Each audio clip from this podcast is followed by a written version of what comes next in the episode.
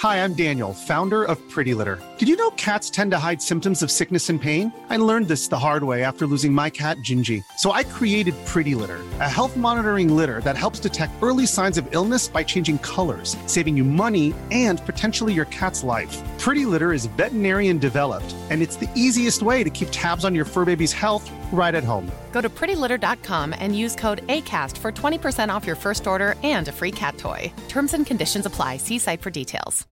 Millions of people have lost weight with personalized plans from Noom, like Evan, who can't stand salads and still lost 50 pounds. Salads, generally, for most people, are the easy button, right? For me, that wasn't an option. I never really was a salad guy. That's just not who I am. But Noom worked for me. Get your personalized plan today at Noom.com. Real Noom user compensated to provide their story. In four weeks, the typical Noom user can expect to lose one to two pounds per week. Individual results may vary. Mom deserves the best, and there's no better place to shop for Mother's Day than Whole Foods Market. They're your destination for unbeatable savings, from premium gifts to show-stopping flowers and irresistible desserts. Start by saving 33% with Prime on all body care and candles. Then get a 15-stem bunch of tulips for just $9.99 each with Prime. Round out Mom's menu with festive rosé, irresistible berry chantilly cake, and more special treats. Come celebrate Mother's Day at Whole Foods Market. Quality sleep is essential. That's why the Sleep Number Smart Bed is designed for your ever evolving sleep needs. Need a bed that's firmer or softer on either side? Helps you sleep at a comfortable temperature? Sleep Number Smart Beds let you individualize your comfort so you sleep better together. JD Power ranks Sleep Number number 1 in customer satisfaction with mattresses purchased in-store. And now, save 50% on the Sleep Number limited edition Smart Bed for a limited time. For JD Power 2023 award information, visit jdpower.com/awards. Only at a Sleep Number store or sleepnumber.com.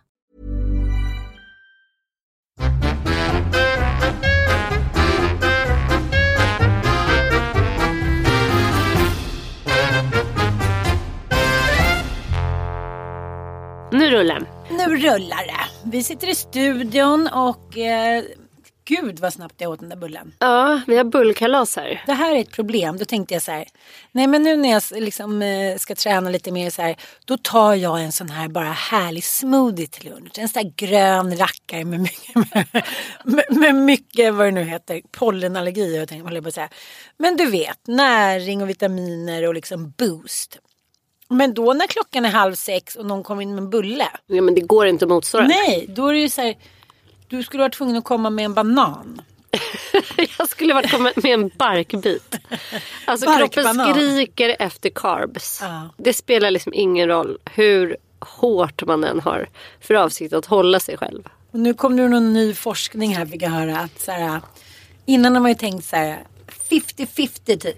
När det gäller träning och mat. Nu är det så här 10% träning, 90% mat.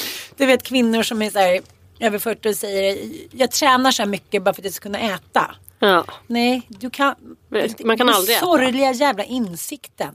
Den här har nu förstört hela min dag, den här 7-Eleven bullen. Den var riktigt god. Och vet du, jag tror inte det är så många kalorier. Det sorgliga är ju typ att en så här fucking bulle innehåller ju typ lika många kalorier som två, ett glas vin. Det tycker jag känns sorgligt när man så dricker på sig fetma. Eller en Coca-Cola. Dricker tio bullar. Man bara, Man bara- Men du, eh, det här kan ju vi sitta och garva åt för att vi har den inställningen och inte har liksom kroppshat Jag kanske vet. längre. Men då läste jag faktiskt en eh, uppdatering på Facebook. Jag har blivit väldigt inne på Facebook. Den sista Ja. Facebookaren. Nej men fan mig. Det som har hänt tror jag med Facebook nu senaste tiden för mig. För jag har börjat liksom funta. Jag går hellre in på Facebook än på Insta. Jaha. Och det är ju för att jag har liksom joinat olika intressegrupper där. Jag är då med i Vi som är anhöriga till bipolära. Vi som är anhöriga till missbrukare. Jag är med i gruppen Stötta eller scrolla. Hästvärldens typ stöttisgrupp. Den är jättegullig. Alla bara så här, för att i alla andra såna här djurgrupper, hund och hästgrupper så är det så jävla mycket hat. Liksom, folk som så här, lägger upp en liten bild på sig själva när de rider så får de så här, massivt nedklankande hat. Men inte i Stötta och scrolla. Det är en fantastiskt mysig grupp. Nej, nej, Eh, nej, nej, nu får du stanna lite där.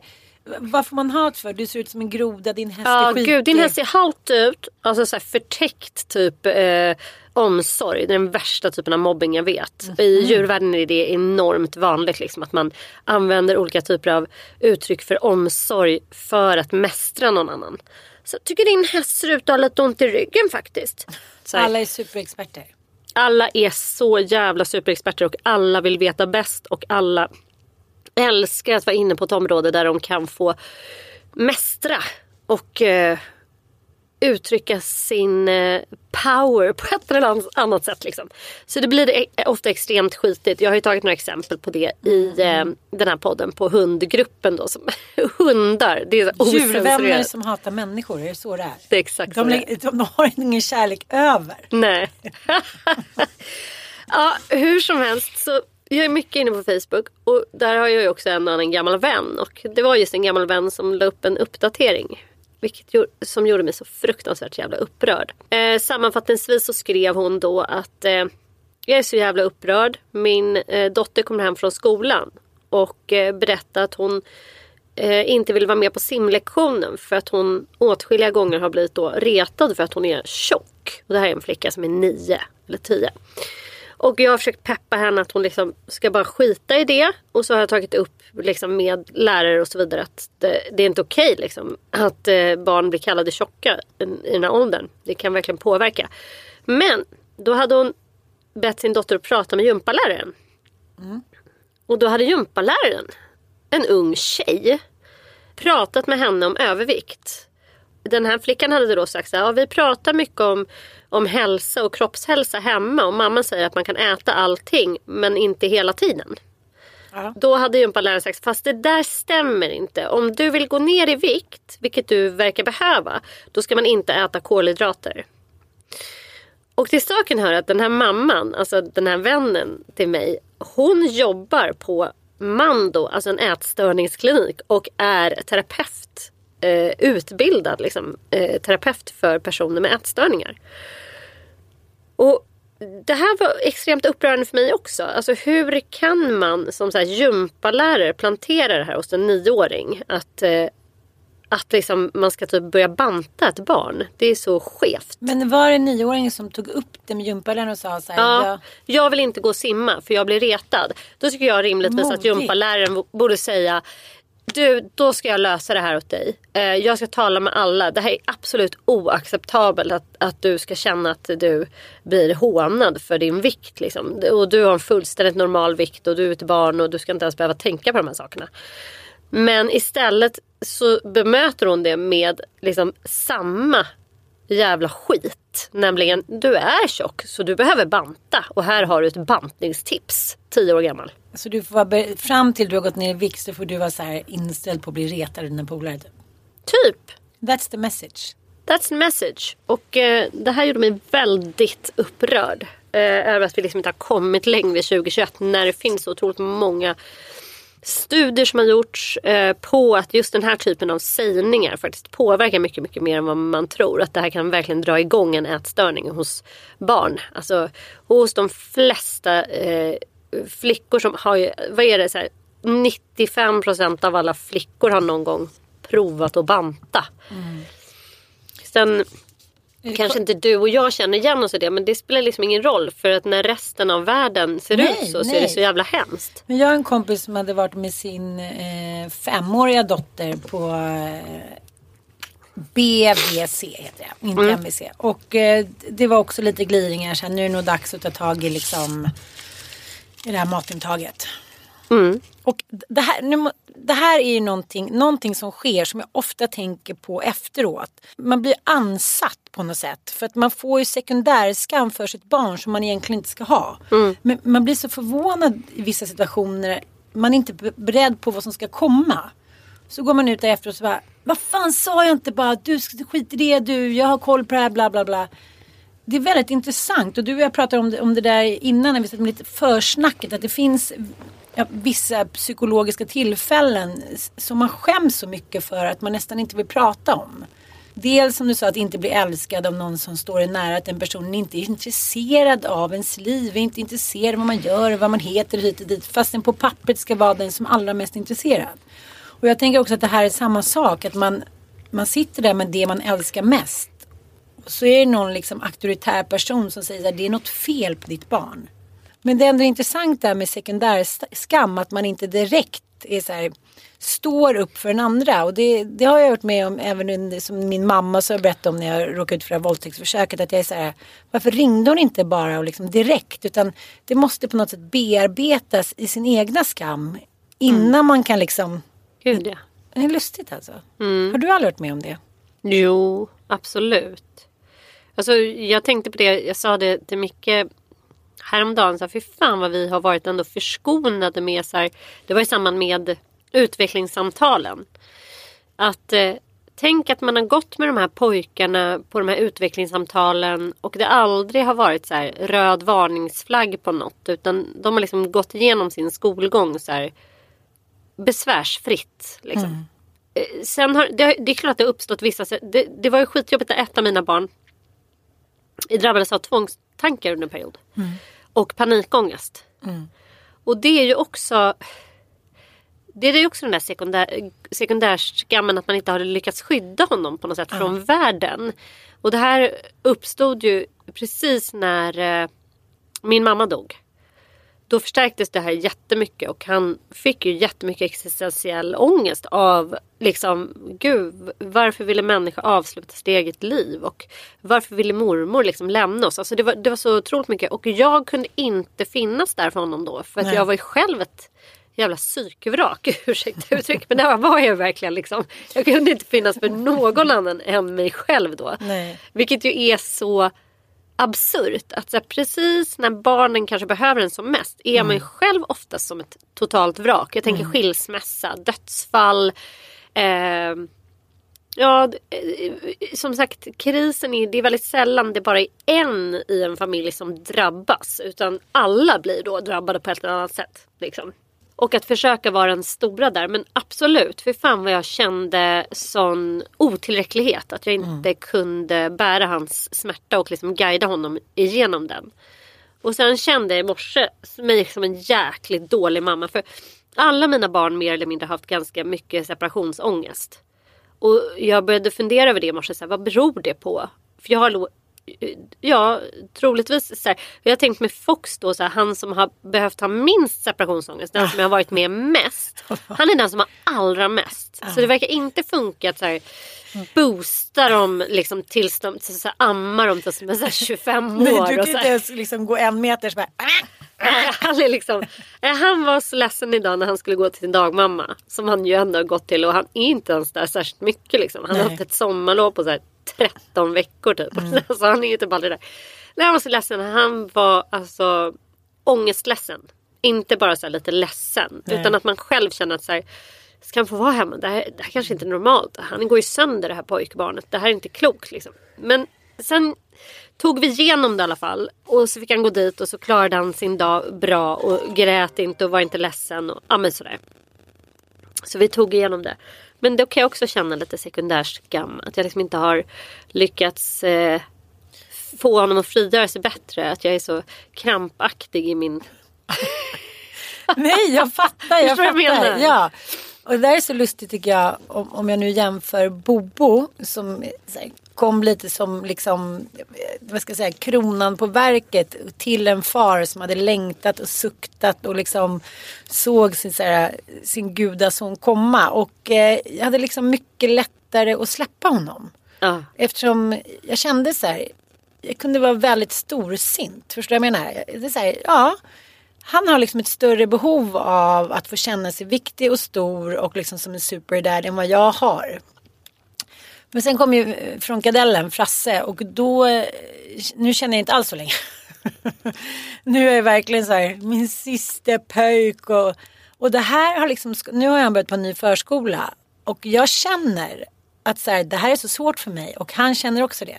Ja. Oj, oj, oj, det ska ätas på fik och det ska åkas liksom skateboard och det ska fixas med klockor. Jag är liksom inte stark i min så här, beslutsamhet att säga nu åker vi till föris. Mm. Men när Mattias tar honom så är det liksom okej okay, nu åker vi. Ah! Och då blir jag så här, nej men jag hjälper ju inte honom genom att han känner det här. Det, liksom, det är inte någonting som blir bättre. Men det, jag tycker att det är jävligt svårt. Och då känner jag så här, då är det mina behov som på något sätt, eller vad jag tycker hur det är för honom hit och dit. Fast det kanske liksom inte är sanningen. Jag tycker den där är svår. Och jag pratade med hans eh, förskollärare och hon sa så här, är Frans nöjd? Ja, han var ganska nöjd. Då tycker jag du ska lyssna på Frans. jag bara, så ti.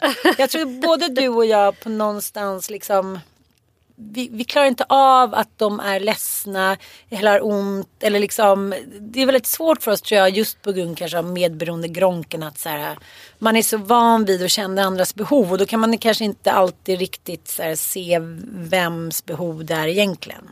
Är Nej, och, och sen är vi så, har man så lätt att smittas av ångest. I alla fall jag har det. Och eh, jag, jag, jag har någon så här grundläggande... Jag läser nu, återigen ska jag då hylla The Holistic Psychologist. Det här har varit ett föremål för liksom veckans samtal med en rad av mina vänner. Eh, hon har precis gått igenom så här traumarespons. Jag vill bara säga spåkula. Eh, jag tror verkligen att så här, traumabearbetning och traumabaserad psykologi kommer bli den stora fucking flugan. Alla människor kommer vilja hålla på med det och alla kommer vilja frångå och äta så här, antidepp och bara hålla på med traumabaserad. Mm. Minns var ni hörde det först. Det är nämligen så... PS, hon har startat en klinik på Sankt Eriksplan. Kostar bara 3000 kronor att joina. Nej det har jag verkligen inte gjort. Och, men det här är en jättestor fluga i USA just nu. Där man ifrågasätter liksom, eh, bara den här bio... Med rätta. Med rätta. Alltså så här, att man bara ska se på psykisk ohälsa eller depression och ångest eh, utifrån ett så här biomedicinskt perspektiv. Att det bara skulle vara så att säga att ordna till signalsubstanserna kommer allt lösa sig. Men hon är inne mycket på traumapsykologi och eh, då har de precis gått igenom så här flight, freeze or fight. Det är de tre mest vanliga. Ja, eller det är de tre responsen på så här, väldigt hög stress. Och då är det inte bara så att vem som helst reagerar så. Men hon menar ju att så här, du är med om ett trauma i din barndom.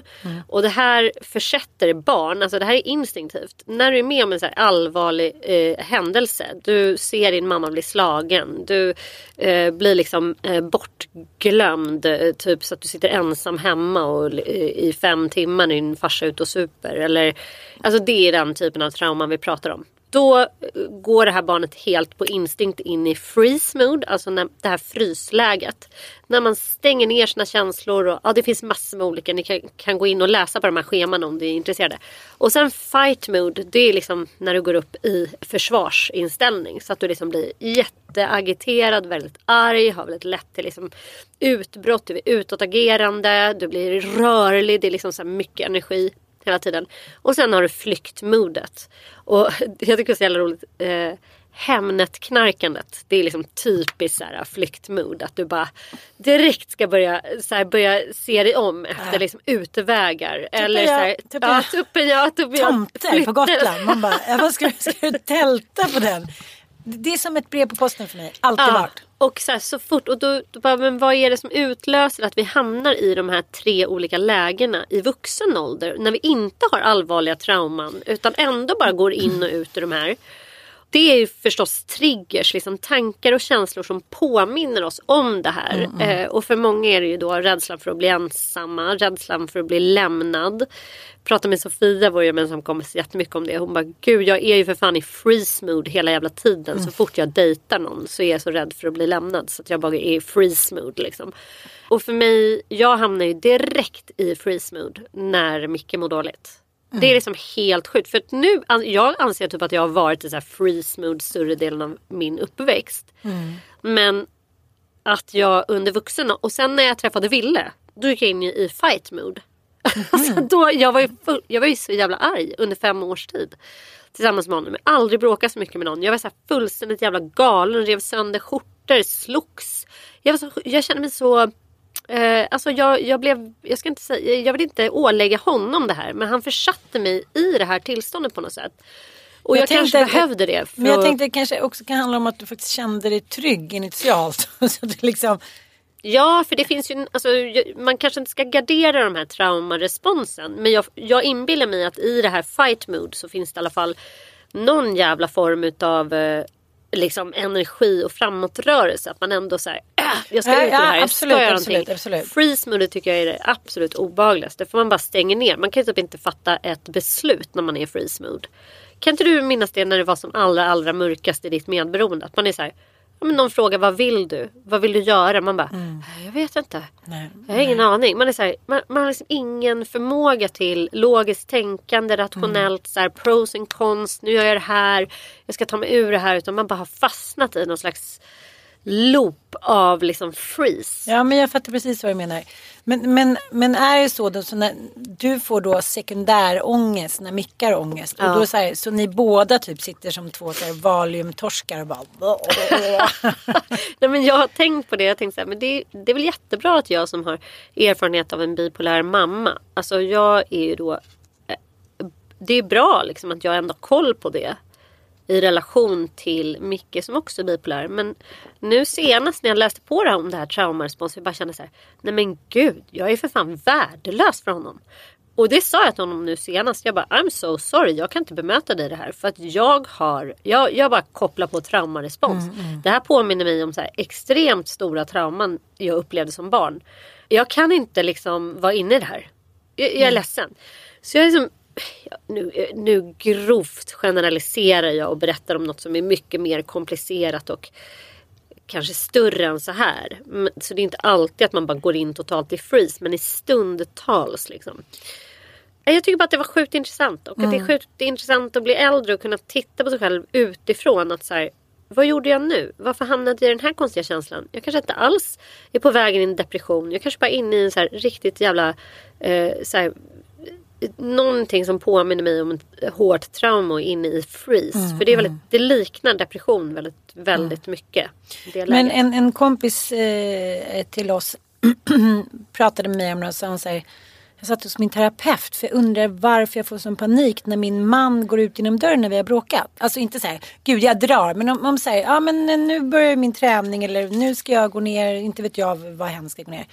Hon så här, får panikångest. Du vet så här, hon klarar inte av det. Hon, hon blir så försatt i någon, som du säger, någon freeze och liksom, ja men som att han aldrig kommer komma tillbaka och att nu är det så här, nu är det krig. Hon ska klara sig för resten av sitt liv själv. Nej men hon, hon liksom, hon, hon bara, jag måste försöka hitta liksom någon, någon, någon förklaring till det här. För det här liksom, det funkar inte. Och så satt hon hos terapeuten Och så sa- sa terapeuten så här, men, men finns det ingen liknande situation när du var liten så här? Och, eh, liksom, ja men du vet, någon gick ut genom dörren och du blev rädd och sådär. För det här är ju eh, faktiskt om man ska vara helt ärligt i, i, människor som vill straffa sina barn kör ofta det. Då, då går mamma. Ja. Mm. Eh, jag hade en kompis vars mamma hela, när hon inte orkade till exempel om de skulle cykla någonstans eller gå någonstans. Om, om hon då sa, gud jag tycker det är så jobbigt, kan vi stanna en stund? Jaha, då åker vi inte till X och köper den där härliga mjukglassen som vi sa. Och det där kanske alla har lite till mans, att man hotar. Men du vet när det blir liksom på ett sadistiskt sätt. Att säga, okej vi är 100 meter från ICA-affären. Men nu blev det ingenting. Det, det är ju ett vidrigt liksom, systematiskt sätt att så här, bryta ner någon. Eh, men då hade hennes mamma, eh, när hon tyckte att, att hon och hennes bror eh, var jobbiga, så här, riktigt jobbiga. Då, då gick hon upp i sovrummet, packade. Eh, väldigt liksom, eh, ja, med någon symbolisk känsla att så här, så titta hur lugn och stabil jag är trots att ni har varit så elaka, ni barn typ. Packade sin väska, eh, sa hej då och tog bilen och var borta flera timmar. Ja. Och lillebrorsan fattade inte. Han var så här, mamma åkte. Pff, Hon är liksom, han trodde att det var en rolig lek. Men för henne var det så här, okej, tänk om mamma inte kommer tillbaka. Nu ska jag då uppfostra det här barnet. Det var ju liksom... Och jag får sån ångest när jag tänker på det. Att, att, att, Det här var ju alltså vanligt frekvent efter barnagan. Ja. De bara, fan vi får inte slå dem längre. Ja. Måste vi hota dem med att lämna dem. Alltså, jag, mamma var ju ofta så här, ah, du får gå in på ditt rum. Jag tänkte på det också, så här, ett barn som är upprört eller argt. Att, så här, tills du har lugnat Ja, ner tills du har lugnat ner dig. Jag måste erkänna att jag själv har så här, framförallt till Olga som hade väldigt liksom så här, hon, hon hade ju riktiga sådana utbrott liksom och slog vilt omkring sig och låg så här hög på marken och bara vrålade liksom. Att man så här, du, får, du, får, du får jättegärna skrika och vråla men du får göra det på ditt rum. Och jag tänkte så här, men det kan vara skönt att bara få vara för sig själv och bli hur arg som helst. Men för fan vad jag kan se nu Mm. vilken sjuk grej det är. Att så här, när du visar väldigt starka känslor då måste du vara ensam Ja. i en skrubb. För det är typ. inte För okej. att det är inte okej. För att vi andra människor orkar liksom inte se dig visa starka känslor. Det är liksom det man indirekt säger till sitt barn. Hur väl man än vill och hur, hur, hur bra liksom tankar man än har kring det där så är det ändå det som, tror jag, barnet uppfattar. Att så här, nu är jag så jävla arg och det eh, är så jobbigt för, för omvärlden så att jag får då gömma mig typ ska gömmas undan. Men det här var ju vanligt. Jag kommer ihåg att så här, mamma stannade bilen alltid med hot om att så här, eh, du får gå ur bilen här nu om ni fortsätter bråka. Och är det inte i Alex Alex har ju återkommit till det flera gånger i eh, podden Alex och Sigge. Hur hans pappa liksom lämnade honom i så här, just under en så biltur. Det här var ingenting som bara min mamma hotade med. Det står här, hans, eh, han skriver om det i sina böcker också. Ja, att han så släpper av honom och åker iväg. Och så här länge och väl också. Ja, Så, här, så att man först tänker så här, det här är bara ett hot. Han kommer snart. Sen går det lite för lång tid. Så här, Ja. Han kanske inte kommer. Jag kanske får leva här i mörkret. för resten av mitt liv. Ja. I ett barns värld liksom. När man är fyra år då fattar man inte heller att så här, ja men det finns någon sostant då som kommer ta hand om mig. Alltså man har ju sådana bisarra fantasier om vad som ska hända då när mamma och pappa är borta för evigt. Och jag tänker så här att ibland så ska det framställas som att det krävs så stora och liksom upprepande sadistiska handlingar för föräldrarna. Men nu har ju Frasse, eh, vi var hemma hos några kompisar för något halvår sedan och eh, de, de satt uppe på, och kollade på en film i vardagsrummet. Det var så här söndag eftermiddag. Vi var så här, och sen så gick det väl 20 minuter, en halvtimme. Det kan du göra liksom. Och så gick jag upp och så här, kolla, skulle bara kolla, vad kollar ni på nu då? Så bara, har ni bytt program? Då satt de och kollade på It. Men för fan. Ja, och för er som inte har sett det så eh, det är då en skräckfilm. Mm, där It då personen är, han är väl sminklig, han sminkad som en clown. clown. Ja, var det inte Bill Skarsgård Ja, som åt, clown? Herregud. dessa återkommande clowner som liksom aldrig släpper taget om en. Ronald McDonald, så diskret nu för tiden. Och fortfarande nu så kan han inte gå, gå liksom på toaletten själv. Och eh, även fast man är en, nej han är så här, han ser det där ansiktet inne på toa.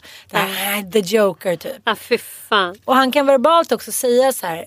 Hur kunde X sätta på det där till mig? Han är mycket äldre än vad jag är. Så här, det släpper aldrig taget typ. Jag så här, Okej, okay, här, jag kan inte riktigt säga att någon vuxen gjorde något fel. Vi hade satt på en film och så ändrade den här killen som var lite äldre till en annan film som tydligen låg...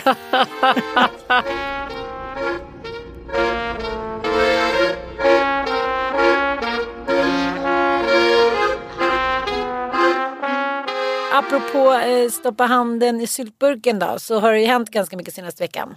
Mm, det har varit en vild eh, Ja. nyhetsvecka kan man säga. Mm, Margot precis. Margot, Trampa i... Margot Wallis eh, trampade i klaveret och uttalade sig om eh, powerkvinnor. Ja. Power women. Va- ty- alltså, då kan väl, jag kände så här med Margot.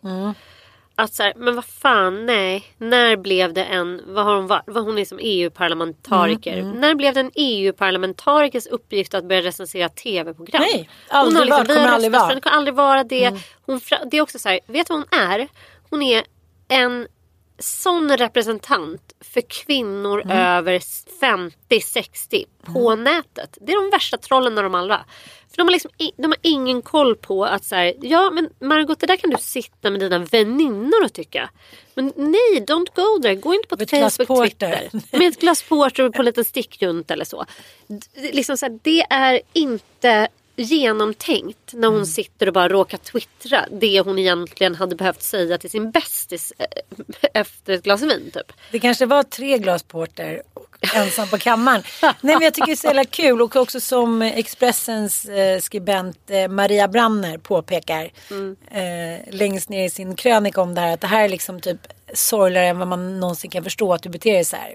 Ja. Liksom att du okejar då att man kan klanka ner och, och jag menar, det som, som liksom Läckberg sa det här lite med glimten i ögat såklart. Så ja, här har man, det skulle du också kunna säga. Ja. Och, ja, här har man liksom huset, husets viktigaste rum. Nej, nej, vi ska bara så här, eh, tolka allting bokstavligt. För att de här, de är onda tanter med mycket pengar typ. Och i den här artikeln så, så skriver Maria också att det finns eh, en intervju med Margot när hon, när hon säger så här, är det någonting som du liksom, är det någonting som du tycker ja, som fallerar lite med att du är politiker. Då säger han så här, ja, jag har ju gått över gränsen med både smink och skor och väskor. Jag är för utseendeintresserad. Men nu lovar jag, nu ska jag inte köpa en väska till. Klipp till. Ja, men för er lyssnare, om vi ska Ja. vara lite schyssta mot er som inte har Ja. hängt med här så, och inte följer Läckberg och inte Margot Wallström heller. Så är det, det som har hänt är alltså att Camilla Läckberg har gjort Powerkvinnor och där hon visade upp eh, sitt viktigaste rum i sitt eh, nybyggda chateau. Mm. Nämligen en walk-in closet då som är ljuvlig. Jag skulle ju älska att ha den själv. Liksom. Jag Ursäkta med. mig, men det jag, skulle jag också tycka delar garderob med Dante så att det är så här, som att man skulle Som att man skulle liksom Kom inte in i rummet, stäng garderoben. Man bara okej jag tog den här. Jaha, en papperslapp.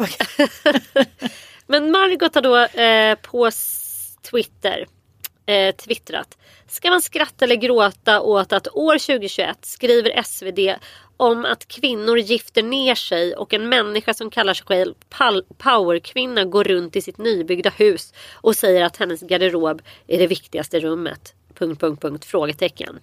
Alltså, Camilla Läckberg har väl inte kallat sig själv powerkvinna. Det är ju bara att någon 80-tals vurmande redaktör har liksom tyckt att det var, det var ett roligt namn på serien. Det tror jag inte att Camilla Läckberg har valt om jag ska vara helt ärlig. nej det tror jag inte. Det, det är nog Leila Bagge. För det är hon som står, är Mm. upphovsman till serien. Leila Bagge, det är Lailas. Lailas, Leila Laila. Äh, Laila Bagge. Men hur som helst, det var skitigt gjort av henne.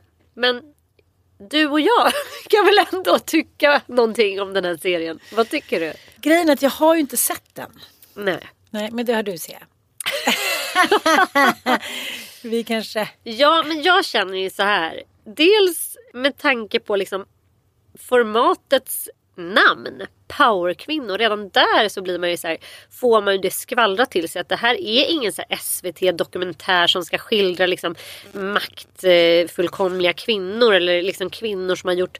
Förstår du? Det, här, Nej, det, är nej, redan, nej. det ska vara underhållning. Det, det är inte meningen eh, att vi ska liksom få företagsamhetstips av de här kvinnorna. Utan vi ska underhållas av ett gäng kvinnor som har tagit sig från botten till toppen i samhället och eh, visar upp sina... Och inte skäms för det. Inte skäms för det. Inte så här Woody Allen som har slitna manchesterbrallor som egentligen kostar 15 000 men det ser ut som de kostar 30 kronor. Och Ja. betala miljoner i PR-maskineri. Men jag får så här Dynastin och Dallas-vibbar. Att det Ja. är så här kvinnor som har stålar men, men liksom inte har någon rejäl, lite som en kunglighet liksom. Ja, men det är inte direkt att de har fått med sig Antonia Axon Johnson på det här eller eh, någon annan verklig så här, powerkvinna. Typ, alltså, så här, vi har ju stora enorma, eh, enormt makt... Eh, maktdrivna företagskvinnor i det här landet som eh, verkar enligt principen eh, verka men inte synas eh, slash höras typ.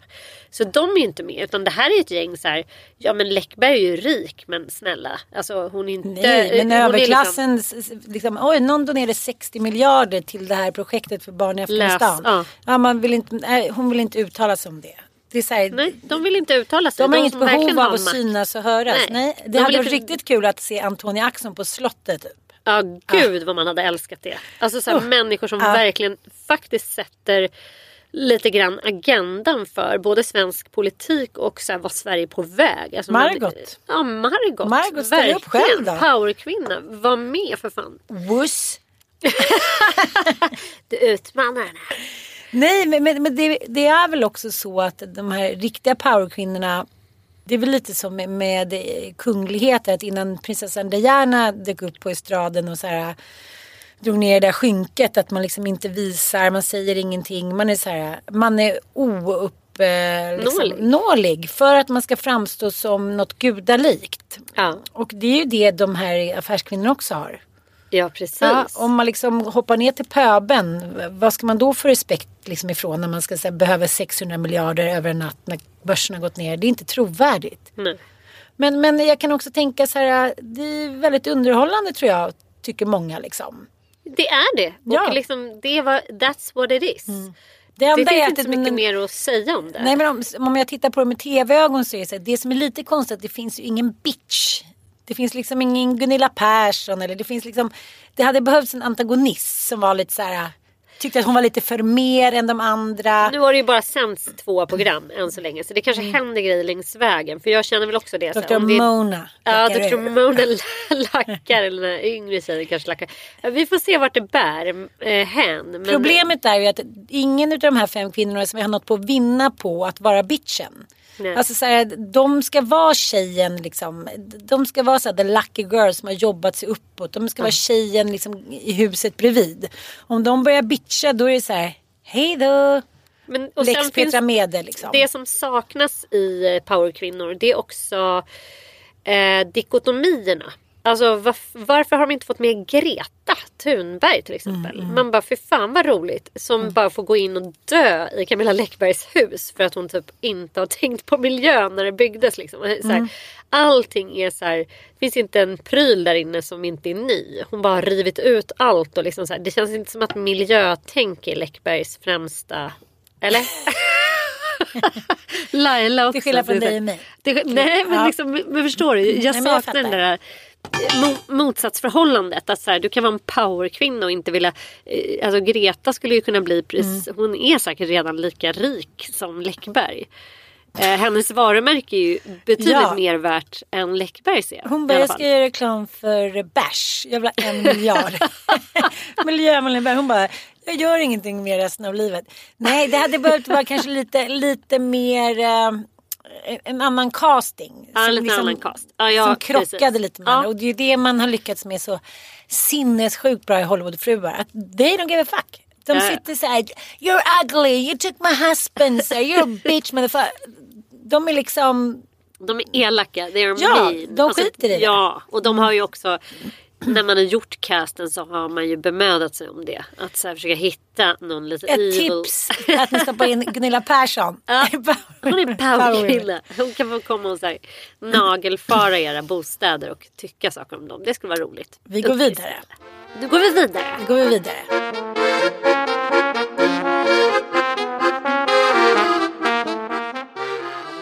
Du var inne på något där, vi fastnade i powerkvinnor. Det har hänt nej, mycket den här ja, nyhetsveckan. Nej, Vad är det men, mer som har men hänt? Det, det, är just det här som sker, att man, så här, man, man, gör saker i stundens hetta. Och det kan ju finnas många olika orsaker till att man gör det. Har man ju själv gjort. Man säger, gud vad gjorde jag nu? Ah, jag måste försöka rädda den här situationen. Margot eh, har inte kommit med någon så ursäkt. Eh, eh, nu har vi till exempel, all, nu har vi till exempel Anders Övergård. Yes. Som det har som det har spekulerats kring i dryga veckan nu. Och eh, nu får ju han gå från TV4. Yes. Och, eh, brottet ja, är? Brottet är? Bli förpackad, yvig, ja. vilja köra en ATV. För er som inte vet vad det är för typ av fordon så är det alltså en fyrhjuling fast med eh, ratt. Så det är som en lite mer avancerad golfbil typ. Precis. Terränggående golfbil. Ja, ja. Eh, vi kan väl lyssna då. Det är väldigt egoistiskt tycker jag. Det är som eh, när jag frågar, men har du en vän som håller på? Och då säger alla ja. Och då säger jag, varför säger du inte till den då? Och det är lite så här, ja men vad den gör med sin kropp, det är upp till den. Det finns liksom, jag tycker någonstans den här lagkänslan, den här medmänskligheten, den, den behöver vi lyfta TV4 bryter nu samarbetet med profilen och programledaren Anders Övergård, också känd som arga snickaren, efter hans agerande på en Robinson personalfest i Karibien. Anders Övergård, som var berusad, ville köra iväg med ett fyrhjuligt terrängfordon med en annan berusad kollega. Men eh, de blev då stoppade av kvinnan enligt uppgifterna. I samband med det så höjde Anders Övergård rösten mot kvinnan, tog tag i hennes handleder och inledde vad som beskrivs som en brottningsmatch enligt eh, Expressens uppgifter. Andersvåldet börjar sändas tisdagen den 21 september och Sveriges värsta bilförare skulle inleda alltså, sin nya För det första måste jag bara säga så här, fyran, fuck you! Om ni nu ska stänga av honom och så bryta samarbetet med Anders övergår på grund av den här incidenten. Som jag okejar inte den på något sätt. Men då får man ju faktiskt, då kan man inte visa Anders och våldet. Det blir så jävla fel. Nej men alltså det, det är ju nästan för bra för att vara sant. Ja. Eh, att det ena programmet handlar om våld och det andra om bilar. Världens sämsta bilförare. Nej, men det här tror jag är problemet till att man känner sig säker i den miljön man är i. Margot sitter hemma på kammaren förmodligen. Anders är på Kari- i Karibien. Det är lite kröka. De är på någon sandstrand där. Det är lite hula hula. De blir packade. Han och hans polare ex tycker så här, fan vad kul att dra iväg på fyrhjulingen här i Karibien där inte finns några öron eller ögon. Ja. Och någon i teamet är så här, okej men skärp till er nu, nu kan fan inte dra iväg på den där. Och sen så går det liksom överstyr. Och han har ju blivit våldsam. Ja, det, liksom. det är där det liksom fallerar. Det är det som jag tänker så här, om vi nu ska leka leken, sätt det in i en annan män, människas situation. Då skulle man ju skämmas om man skulle vara så här, sorry vi tyckte bara att det verkar så kul. Och sen skulle det liksom inte vara så mycket mer med det. Men det här leder alltså till att hans karriär faktiskt är över nu. Det är Och, nya eh, tider. Det Och då tänker man tider. lite så här. Jag bara känner själv, om man har så eh, inom parentes situationstecken kan man kalla det då tveksamt ölsinne Ja. och har så mycket att förlora. Då tänker man så här. Gå och lägg dig i häng- hängmattan och drick Coca-Cola. ja, under arbetstid. Liksom. Det är samma sak med Hanif Bali liksom. Det är också den här sekundärskammen. Nu sitter ju typ hans fru och barn och då är det en 15-årig tjej inom MUF. Eh, nu ska vi inte säga att han har liksom icke klandervärt rykte innan. Han, han har ju liksom blivit sidsteppad och lite så här borttagen från alla viktiga uppdrag just för att han liksom, precis som Ann Heberlein, får feeling ibland och går inte att stoppa liksom. Ja, men jag läste också någon att han var någon som hade bemödat om att gå igenom vad han har gjort eh, under sin Mm, riksdagsperiod. saftig Alltså han har inte uträttat ett Nej. skit. Han har typ inte ens varit i riksdagen. Han har aldrig lagt en Nej. motion. Han har aldrig liksom jobbat för sitt uppdrag och förtjänat sin, eh, sin lön. Som vi betalar. Ja, det enda han har gjort är att twittra olika typer av extremt kon- kontroversiella liksom, tweets som Mm. han slänger ur sig till höger och vänster som är jävligt tveksamma. Jävligt tveksamma. Ja. Och då är det en 15-årig tjej som har hört av sig till honom och vill prata politik. Mm. Okej. ehm, ja, vi sätter oss in i den situationen. Ja, hon vill prata politik då. Då säger hur gammal är du? 15. Jaha, oj, okej. Vad kul att du är intresserad av politik. Då skulle jag vilja hänvisa dig till MUF. Ja. Eh, och, I din eh, region. Ja, och eh, Lill-Perre som är ordförande och liksom, som är, ja, Skittrevlig. precis. Eller någon bok, vad fasen som helst. Nej. Nu stoppar vi liksom först ett finger, sen hela handen i syltburken. Och så här, jag, bara- jag bara sen, om en 15-årig kille som så tittar man på, "Åh, vad är det för gullig kille typ? Så här, Hej, jag skulle vilja prata om tv med dig. Ja. Jag undrar om vi skulle kunna träffas, jag behöver också hjälp med läxorna. Nej men alltså det, liksom, det faller på sin egen rimlighet. Nu har jag blivit polisanmäld också av någon som har sett det här. Bla bla. Och han säger så här, det här är det här är det värsta jag varit med om. Det är ett drev liksom. Ja, det är någon meningsskiljaktighet motståndare. Typ, meningsmotståndare som har skickat den här tjejen då. För att få honom liksom som ett, litet, eh, som ett litet sånt. Han har lurat honom. Ja, Ja. lurat. Bara Och det, Jätteroligt. och det är den jag fortfarande liksom efter tusentals år av liksom komma undan med allt, köpa, tystnad, bla bla bla. Så kommer det här som en stor jävla liksom eh, flodvåg över oss.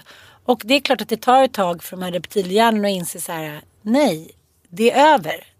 The fat lady has singed her little last fucking tune typ. Utan jag tror så här, ja ja. Vi är skydd av X, geografiskt avstånd, två, internet. Det är som att liksom, det går inte in. Nej.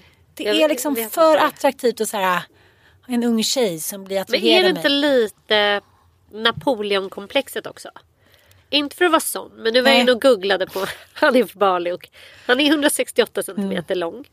Det är lite Soran, det är lite Virtanen över den. Min brorsa sa också så här, men det är någonting med nördarna som får revansch. Som får plötsligt en så här, de kanske liksom under hela sitt liv har känt sig som så här som andra klassens medborgare, så har aldrig riktigt fått vara med och sen så, så lyckas de ändå förstå att de är verbala och har ordets gåva kanske både både muntligt och skriftligt så att säga, vilket alla de här herrarna ju har. Alltså om Men vi du kan ju inte säga att ihop. han är så här, är Quasimodo direkt. Men det jag vill säga är att så här, nördens, nördarnas revansch. Att liksom, det är Mm. där det händer grejer. Att man så här, kan inte låta bli. Nu när man blir så här ha mig. uppvaktad. Nu vill folk ha mig. Och då Mm. bara översköljs man av vilja att liksom ta del av det på något sätt. Det är inte ett försvar, det är bara en förklaring. Och det är inte liksom, gör inte saken fräschare för det. Nej men det var ju någon killkompis som sa, ja men Anders Öfvergård har inte han en liten kuk det har jag hört. Alltså allting kan ju inte bero på att män är liksom Napoleonlängd och små snoppedonisar. För liksom, den håller inte. För då, nej den håller inte bara. Nej, och det är också, okej. ja jag fattar vad du menar. Men, kan, Det, kan vi vara inne på den då? Nu pratar jag och Olga om att så här, eh, En tjej hade väl inte fått det så här. Kerstin Thorvall. Hon var så jävla lång alltså. Så att, eh, krokodilbottnar också. Det är klart att när hon fick knulla så gjorde hon ju det. äh, men låt oss säga så här då. Att eh, plötsligt få väldigt stor makt. Oavsett Snopp, om det är snopp. Att få väldigt stor makt. Som Hanif Bali ändå har. Att man så går från att ha en väldigt liten plattform till att bli väldigt stor och omskriven och omdebatterad. Och folk har åsikter om en och sådär. Lex Virtanen. Ja, Lex Virtanen. Lex Soran också. Som också har givit sig in där och fått smaka på strålkastarljuset fast på ett lite annat sätt. Att det är ju... Eh, det är, för, alltså det är förföriskt och det gör någonting med en. Alltså det, det är väl det enda tycker jag som var av väsentligt innehåll i dokumentären om Soran. Alltså när han ändå beskriver vad som händer eh, när han blir, eh, sitter med i parlamentet. Att det helt plötsligt kommer fram människor och bara vill ligga med honom. Eh, det är liksom kändisskapets... Eh, det är känd, ja, vad ska man säga? Ja men du fattar. Ja, jag fattar, jag fattar. Nej, men vadå, det kan väl alla människor? eh, Eh, Jag kan... tror inte alla människor förstår det. För jag tror inte att så här, Berra som typ aldrig har fått en... Alltså man, kan inte, man, kan, man kan kanske föreställa sig och tänka att det är så. Men jag tror inte man vet vad det gör med en som människa. Nej. Att man bara blir så här. Dels tror jag att det skapar en, en alltså, jag, krampaktig känsla att jag måste få vara kvar här till varje, varje pris. Men sen också att man bara så här, inte klarar av att stå emot allt det här som kommer till en helt plötsligt. Att man bara vill skörda det. Så att, eh, men man ska sätta sig in då i de, de här eh, korta männens med små mikropenisars situation. Så är det ändå sådär. Eh, vi har ju många, att man, att, jag, det har du väl känt någon gång att du tänker så här. Ingen kommer komma på det här. Att man, så här, man vill så gärna att inte någon, alltså att det ska funka att liksom inte ha gjort rätt. Så man bara intalar sig, det får inte, det får inte, det får inte och sen så bara Men det kanske ingår i vissa typer av, av liksom personligheter också. Att man har liksom Ja. låg impulskontroll och så här, svår konsekvensanalys. Att man bara säger whatever typ. Men sen tror jag också att det är väldigt mycket en så här kick-personlighet. Att man lägger fram ett eh, det här är jag, liksom en persona, en roll, en bild av sig själv som man bara pumpar ut. Och så är man en någonting helt annat. Och sen så bara kickar man på att så här, de vet inte vad jag håller på med här bakom. Lyckta dörrar, typ. Mitt egentliga jag. Och det skapar så väldigt mycket adrenalin och väldigt mycket liksom eh, sån känsla av att man gör något busigt, något hemligt, någonting som är förbjudet. Och eh, att man kickar på det. Så det. Det tror jag verkligen är fallet i Men om man jämför med till exempel då, om man gör en, en, liksom en jämförelse med till exempel att jag var tillsammans med mitt ex i jättemånga år. De sista åren var verkligen inte bra. Vi, vi hade mycket liksom, vi stod, det var mycket problem, motsättningar, bla bla bla. Och sen så till slut så lämnar vi varandra och eh, det går några månader av såklart liksom förtvivlan, sorg, kamp, bla bla bla, sorg och ja, ja, bråk och hit och dit. Och sen så börjar liksom himlen att spricka upp. Både för mig och mitt ex faktiskt. Eh, vi träffar varsin ny partner, bla bla bla. Man dejtar, man ligger runt hit och dit. Och så eh, härom, ja, men, häromdagen så hittade jag några gamla eh, eh liksom, eh, DM med, eh, ja, med en kille som jag hade lite som älskare under den här tiden. Lite från och till, inte så himla länge men ändå liksom lite från och till. Och eh, hittar så här, ja men lite som, eh, jag kommer ihåg att jag satt på krogen och väntade på någon som inte kom. Så vi hade, jag hade så här 20 minuter, en halvtimme och slå sönder typ. Då sitter vi och chattar med varandra. Ja. Och så skickar han så här till mig, han bara, läs den här chatten, riktigt snuskig. Jag bara, aha, mm. Och så läser jag den och så bara känner jag så här, nej men gud har jag skrivit det här? Anna Isnin slängd i väggen. Jag tänkte att det här är, det är, liksom, det är litterärt bra. Det är så här porrigt, det är hit, hit och dit. Och så jämför jag med den jag är idag. Ja. om jag skulle titta tillbaka på det, det är också så situations... Liksom, precis som du säger, för Soran som så här, har varit tönten, aldrig fått ligga hit och dit. Han hamnar ganska snart i en situation och kan inte hantera den. Ja. Det här, är en annan, det, här är ett, liksom, det här är ett annat exempel men man kan ändå sätta sig in i hur det är att man så här, helt plötsligt byter liv. Ja, gud ja. Ja, från så här missnöjd, ganska neddekad trebarnsmorsa med så här mycket så här relationsproblem och orkeslös till så här fitt ung 40-årig brud med så här mycket älskare, bra jobb. Alltså, Ja, gud ja. det är klart att det jag vill inte att någon skulle ta ifrån mig det. Jag var ju så otroligt hög på livet. Om någon hade sagt så här. Nej men nu ska du tillbaka till det du var förut. Då hade jag ju liksom slagits för mitt liv. ja. ja. Jag vet inte, det kanske är en filosofisk jämförelse som man kan... kan man ju tänka lite på. Men det här är inget så- försvar heller. Absolut inte. Det är, Nej. bara, det är bara återigen ett försök att förstå eh, människans skitighet och ondska på något sätt. Eh, Och litenhet tycker jag mest Och sen, och sen tror jag också så här, vem fan var det som sa det? Paolo Roberto sa det är ett självdestruktivt beteende, ska förstöra för mig själv. Så här, ja. Ja. Mm. men du förstör liksom främst för andra människor gubben. Så tänk på det först innan Precis. du idkar självskadebeteende. Ja. Blanda in din andra i det helst. Men, Sekundärskammen. sekundärskammen och typ att man gärna vill så här, dra med sig någon annan i sin eh, flodvåg av självhat. Tror jag. Och med de underbart bevingade orden tackar vi för oss. Eh, Känner vi någon eh, sekundärskam gentemot varandra? Eh, det gör jag faktiskt inte. Nej, inte jag heller. Vi är, eh, vi är eh, änglar, fria från smuts. Nej, men... eh, Kanske kommer fram något riktigt dirty om dig i veckan. Det vet man mm, inte. det vet man inte. Nej, får se vad det blir Ja, för rubriker. Hanif. Tack för att du lyssnar. Puss och kram!